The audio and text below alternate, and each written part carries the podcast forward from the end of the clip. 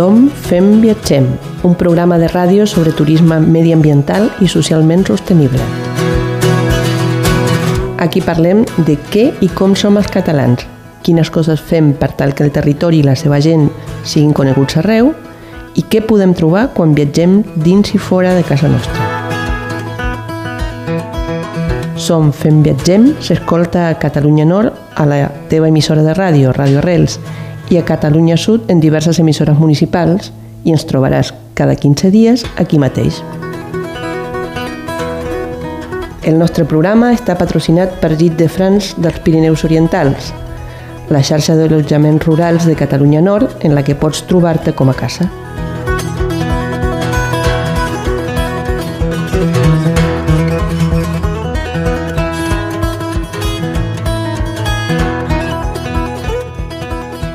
Comencem, companyes i companys, el mes d'abril. Amb això ens vindrà la primavera, aquesta que sembla que se'ns ha adelantat una mica. I volíem començar avui fent una entrevista a l'Antoni Sisteró en el nostre Som, que aquesta vegada serà un Som Memòria, perquè ens parlarà d'una iniciativa molt maca, que és la de reunir a Barcelona el proper dia 6 d'abril a un grup d'associacions que es dediquen a la memòria històrica amb l'objectiu molt ambiciós de fer xarxa i d'aquesta manera estalviar recursos. Serà una trobada molt interessant, amb projeccions, amb vídeos, amb molta feina feta i molta feina per fer i que segur vosaltres també trobareu molt interessant. I en el FEM d'avui farem un FEM Viatgem, una altra vegada a prop de casa nostra, a Reiners, on la regidora Montserrat Escudero ens explicarà els projectes ecològics, de turisme ecològic, però també de cura del mig ambient que tenen eh, ja engegats. Doncs això, companyes i companys, és el que farem avui i amb això comencem. Viatgers.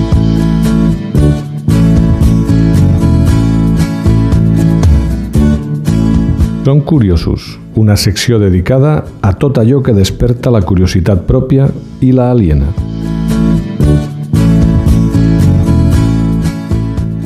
Moltes vegades diem en aquest programa que nosaltres, entre altres coses, som memòria. I, a més a més, eh, sortim d'un mes que s'ha dedicat eh, per terres nostres a la memòria de l'exili i en particular a la memòria de la retirada. Per parlar d'això, però sobretot d'una manera específica d'abordar aquest tema de la memòria, estem avui amb l'Antoni Sisteró, que és un amic que coneixem des de ja fa anys, que ens havíem trobat justament en una trobada que es va fer a Barcelona al voltant de la maternitat suïssa d'Elna i hem mhm. tingut al llarg dels anys una relació fructífera d'amistat. Hola, Antoni, bon dia. Hola, bon dia. Escolta, tu ets moltes coses. Tu ets un senyor que ha fet estudis d'enginyeria, però sobretot en els últims anys t'has dedicat a la literatura, has escrit un munt de llibres dels que potser parlarem en una altra, en una altra oportunitat, però entre moltes altres coses ets la persona que porta un blog molt interessant que es diu Història és memòria, en el qual la cosa que a mi personalment em fascina més és que és un blog dedicat a la perspectiva subjectiva d'aquest exercici de memòria i d'aquest exercici de viure la història. Sí, sí, sí, sí exacte. aquesta, és la, aquesta és la idea. Si em permets, eh, t'ho explico una mica. Hi ha alguns autors que diuen que història i memòria és, són contraris, o sigui, la, la història ha de ser eh, escèptica, per dir, dades eh, verificades, etc. I en canvi la memòria és subjectiva, és tal com ho veu algú. Però eh, jo, la meva idea quan vaig muntar aquest blog ja fa uns quants anys era que història i memòria tenen una relació. La memòria realment agafa informació de la història i a través de l'emoció, a través de, de la digestió d'aquestes dades, ho va guardant a dintre seu, com mm. si tinguessis, doncs, no sé, unes estanteries, unes lleixes, on deixes els llibres i cadascú els classifica com vol. Uh, davant d'un fet o davant d'haver de, prendre posició o d'agafar consciència d'una situació històrica, mm, va a les lleixes aquestes, va a les seves estanteries i diu, aviam, què tinc jo com a referència que em faci eh, Clar, mm, entendre muntar passa, una no? opinió. Clar. I per tant, segons com ha entrat dintre teu, després pots sortir i eh, col·laborar a fer-te l'opinió sobre un tema. De fet, en el teu blog, que ho recordem per la gent, és www.historiaesmemoria.com Sí, exacte. Un, una frase que tu has incorporat amb una imatge molt bonica de, de la República, memòria per entendre'ns avui i en el futur. No? Això parla justament d'aquest diàleg que parlaves tu entre actualitat, record, memòria i història. Una cosa que també ens agrada molt, que ens ha agradat molt d'enterar-nos, mm. és que justament el fill d'aquesta idea de la importància de la memòria i de la importància de l'intercanvi entorn mm. a la mm. memòria, um, tu has organitzat una cosa que uh, ens sembla molt encoratjadora, que és la primera trobada d'entitats de memòria que tindrà sí. lloc el proper dissabte, dia 6 d'abril, de 10 a 20 hores, a La Sedeta, a Barcelona, uh mhm. Que està en el carrer Sicília 321. I doncs si dic que aquesta trobada em sembla molt interessant és perquè una de les coses que es diu eh, de les associacions que fan memòria i que fan història amb aquesta mirada que, que dius tu, no? amb aquesta perspectiva uh mhm. -huh. subjectiva, és que cadascú fa la guerra per al seu compte, o sigui, que, que van fent eh, coses de manera dispersa. I doncs tu, per contradir això, organitzes aquesta trobada. Explica'ns una mica. Sí, bé, la intenció és simplement conèixer a les entitats. Primer necessiten doncs, fer uns estatuts, registrar-se no sé on, després hi ha un tresorer, hi ha un no sé què, etc. Tot això no, no projecta res a fora. Uh -huh. I només quan arriba, quan dius, bueno, ara ja estem organitzats, ja estem muntats i no sé què, aleshores jo penso que simplement coneixent-se uns als altres, molta d'aquesta feina prèvia pot, potser ja la tindríem feta, o si més no, eh, es reduiria, amb la qual podríem dedicar més energia a fer coses. al de fora, Clar. a portar la memòria històrica a la, a, a la gent Exacte, sí, sí. Per això, per això et dic que és una molt bona idea. I en aquesta línia, eh, clar, hem mirat el llistat d'algunes de les associacions participants i ens ha semblat que és fantàstic, perquè està l'amical de Mauthausen, l'amical de Ravensbrück, sí, està, per no, exemple... l'amical de brigades internacionals, els Exacte. expressos polítics, perquè ja el matí està més dedicat a guerra civil i exili, i la tarda més al franquisme i la repressió del, del Franco, i si més no, la idea ha sigut no muntar una altra organització sobre les organitzacions, sinó simplement facilitar, eh, fer un servei d'intercomunicació. Clar, ajudar, diguem, a la creació d'una xarxa ah, horitzontal exacte, exacte. espontània, sí, aviam, però, però donar l'oportunitat, oi? Sí, sí, sí.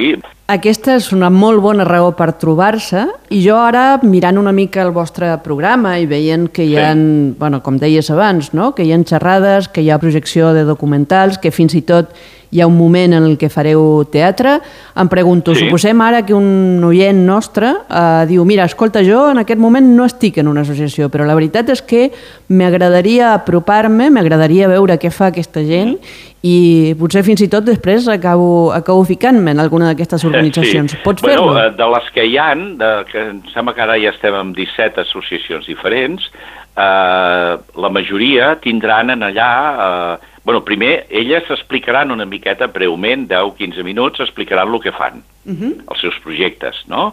Sí, I sí. de dir, mira, doncs estem ubicats aquí, la, per exemple, hi ha una associació que té un, eh, que fa uns estudis que té tots els barcos que van anar de França cap a Llatinoamèrica sí? amb les llistes de passatgers. Per Ostres. tant, si tu saps que un tio teu se'n va anar cap a, cap a Mèxic o cap a Xile, eh, doncs eh, pots, pots burxar per allà i pots trobar-ho. Un altre que fa homenatge a la gent, troba allà on estan enterrades gent que doncs millor eh, la família hi ha perdut el rastre, etc. Totes aquestes associacions explicaran el que fan. Però, a més a més, hi haurà un, uns taulells on tindran els seus folletos, la, eh, bueno, el seu material, no? Uh -huh. eh, llibres, o el que siguis, d'informació sobre el que estan fent. Per tant, eh, podrà, podrà triar, si es vol apuntar amb alguna, podrà triar quina. Perfecte, i per tant, és, és una activitat també oberta al públic que encara no sí, estigui sí, dintre d'alguna associació. I, i benvinguda.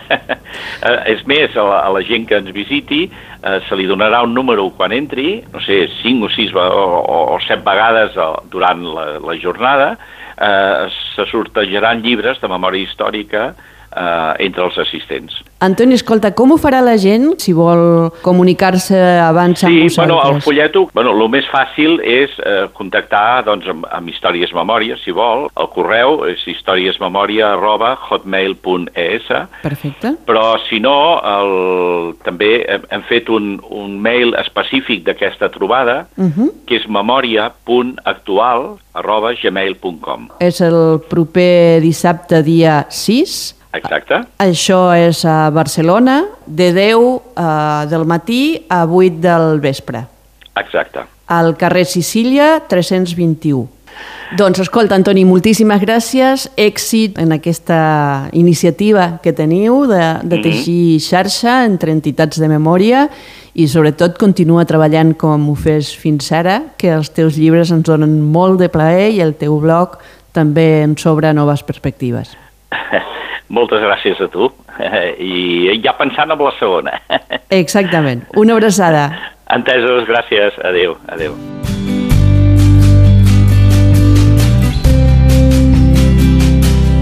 FEM, la secció del Som, Fem, Viatgem, on parlem de la feina feta pels catalans per tal que hi hagi turisme, que aquest sigui sostenible i que tot plegat puguem seguir gaudint del nostre país i la nostra cultura.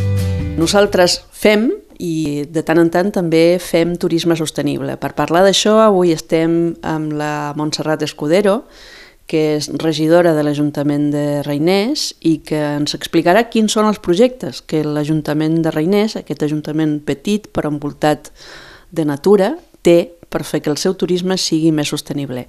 Hola Montserrat, bon dia. Hola, bon dia. A veure, vosaltres ara esteu pràcticament de festa, no? Perquè veniu d'obtenir un label molt interessant eh, lligat a la sostenibilitat. Doncs explica'ns.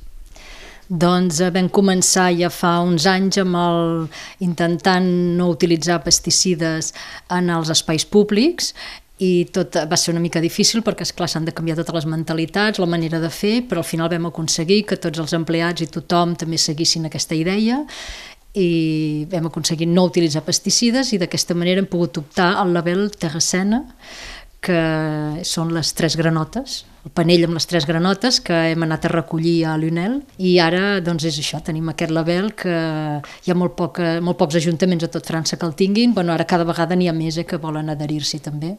Uh -huh. I això certifica que sou, com diu el label, una terra sana. Exacte, terra sana, que no fem servir eh, herbicides, perquè abans es feien servir eh, el Roundup, per exemple, que tothom coneix, i ara l'hem esborrat de, de Reiners. Doncs això és una molt bona notícia. I en aquesta mateixa línia crec que també esteu intentant lligar temes turístics, justament amb aquesta condició de terra sana. Doncs sí, volem fer venir un turisme sostenible a Reiners i és per això que intentem que hi hagin camins de, de passejada i un dels projectes que tenim, el més important de fet en aquests moments, és el camí transfronterer que va del castell de Reiners al castell de Massanet. Aquests dos castells a l'edat mitjana eren de la mateixa senyoria, els senyors de Cabrenys, i doncs eh, és per això que hem fet aquest projecte, que hem tingut una subvenció del Departament i de la Generalitat de Catalunya de la part de Massanet, i doncs això, un camí que unirà els dos municipis, que de fet ja estem agermanats, Reiners i Massanet estan agermanats. Uh -huh. Per tant, vosaltres esteu aspirant ara a traure turisme uh, d'aquests que fan senderisme. Intentem que el turisme que vingui a Reiners sigui un turisme verd, eh, que així ens va dintre de la nostra línia, de la nostra idea de, de municipi. Uh -huh, uh -huh, molt bé. Explicaves també que en aquesta línia de treball de recuperació de camins, de corriols que teniu per aquí, que no havia sigut fàcil, perquè clar, aquests camins són camins eh, que potser s'han anat perdent amb el temps. Exactament, justament aquest camí transfronterer de Reines a Massanet que s'havia utilitzat moltíssim tant per eh, contrabandistes com per gent que en temps de guerra o en temps de postguerra, doncs eh, ara s'havia perdut, al segle XX s'havia perdut i eh, s'ha hagut de recuperar eh, és un, camí que passa per terrenys privats i s'ha de tenir l'acord dels propietaris per poder-lo refer. Uh -huh, D'acord. I vosaltres heu estat treballant durant un bon temps eh, justament per obtenir aquest acord. Sí, sí, sí, justament hem estat eh, fent entrevistes amb els propietaris, si a vegades hi ha hagut algun problema i no s'ha pogut fer per un cantó, hem hagut de desviar el camí de manera que, que poguéssim tenir l'acord d'un altre propietari. Per el fet de que ara ja pugueu lligar-lo, eh, això vol dir que heu tingut també el, el vistiplau d'alguna gent d'aquí del poble, i això està molt bé, engrescar la gent d'aquí.